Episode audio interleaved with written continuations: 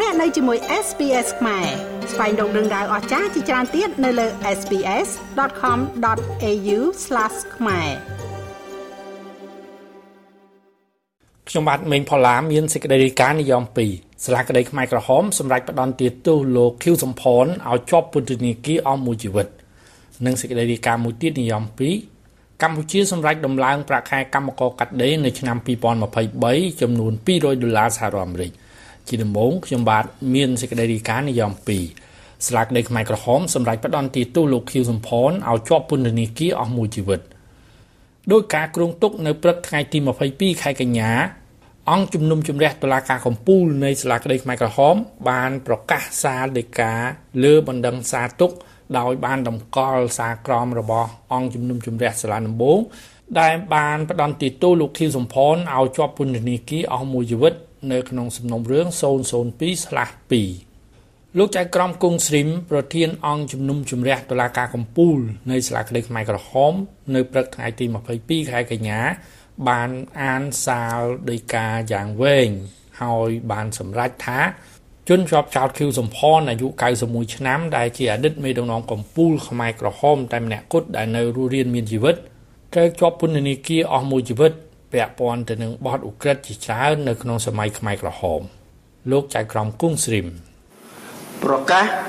តម្កល់ការប្រកាសទោសដាក់ពន្ធនាគារអស់មួយជីវិតលើខៀវសំផនរបស់អង្គជំនុំជម្រះសាលាដំបងប្រកាសថាទោសដាក់ពន្ធនាគារអស់មួយជីវិត ក្នុងសំណុំរឿង002/02នេះត្រូវអនុវត្តត្រួតគ្នា ជាមួយនឹងទោស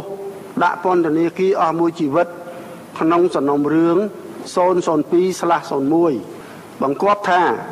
ខៀវសំផនត្រូវស្ថិតនៅក្នុងមន្ទីរឃុំឃាំងអវតករងចាំការចេញសាធិការមានសំអាងហេតុពេញលេញនិងការបញ្ចប់នៅការរៀបចំ សម្រាប់ការផ្ទេរដោយអនុលោមតាមច្បាប់ទៅពន្ធនាគារដែលគាត់ត្រូវបន្តអនុវត្តទោសរបស់គាត់ សូមមន្ត្រីពន្ធនាគារនាំជនជាប់ចោតទៅទីកន្លែងគុំខ្លួនវិញអង្គជំនុំជម្រះតឡាការខ្ពស់ប្រកាសបិទសវនាការ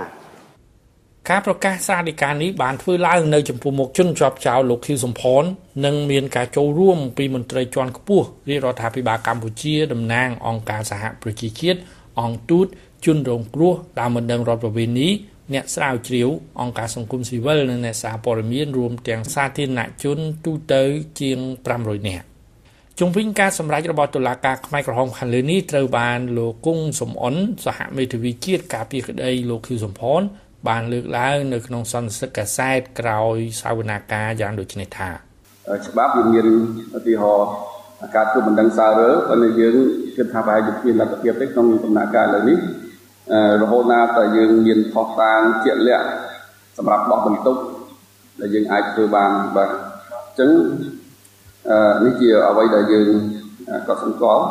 ហើយទី2គឺអាចតកតូនទៅនឹងការរៀបចំកន្លែងសម្រាប់គាត់តទៅមួយទៀតថាតើខាងសហវិញ្ញានឹងផ្ដល់នៅកន្លែងបែបណាសម្រាប់ឲ្យគាត់ទទួលទុំបាទអាហ្នឹងក៏ជាចំណុចមួយដែលយើងត្រូវ follow up ដែរ វាសមស្របទៅនឹងស្តង់ដារសិទ្ធិមនុស្ស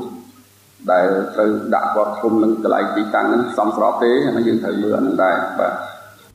ចំណែកលោកស្រីជីលៀងសហបរិយាញ្ញាជាតិក៏បានលើកឡើងថាសួរថាទៅពន្ធនាគារណាខ្ញុំនិងសហបរិញ្ញាអន្តរជាតិបានទៅពិនិត្យពន្ធនាគារខេត្តកណ្ដាល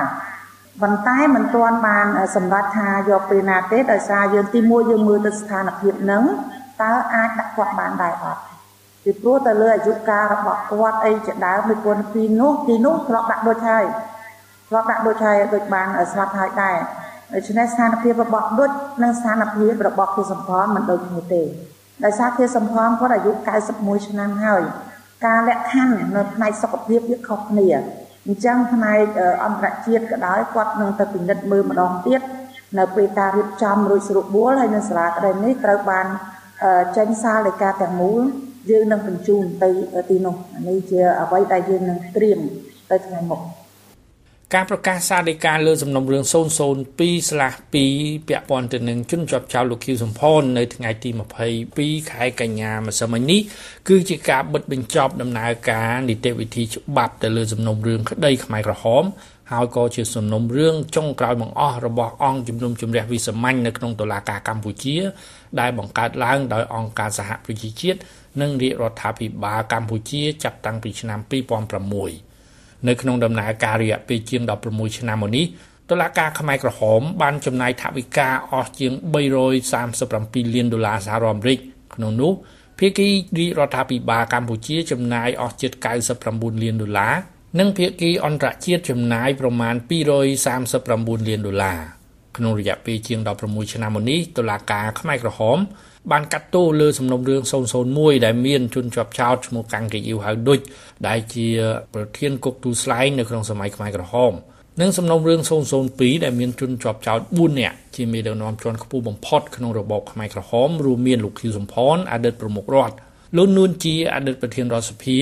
លោកអៀងសេរីអតីតរដ្ឋមន្ត្រីការបរទេសនិងលោកស្រីអៀងធីរិតអតីតរដ្ឋមន្ត្រីក្រសួងសង្គមគិច្ចក្នុងរបបខ្មែរក្រហមមកដល់សប្តាហ៍ថ្ងៃលោកស្រីអៀងធីរិតលោកអៀងសេរីលោកកាំងកយូហៅដូចនិងលោកនួនជា បានស្លាប់បាត់បង់ជីវិតអស់ទៅហើយគឺនៅសល់តែលោកខៀវសំផនម្នាក់ប៉ុណ្ណោះដែលនៅឆ្នាំ2022នេះលោកខៀវសំផនមានអាយុ91ឆ្នាំហើយ ចំណែកសំណុំរឿង003និងសំណុំរឿង004បានជាប់គាំង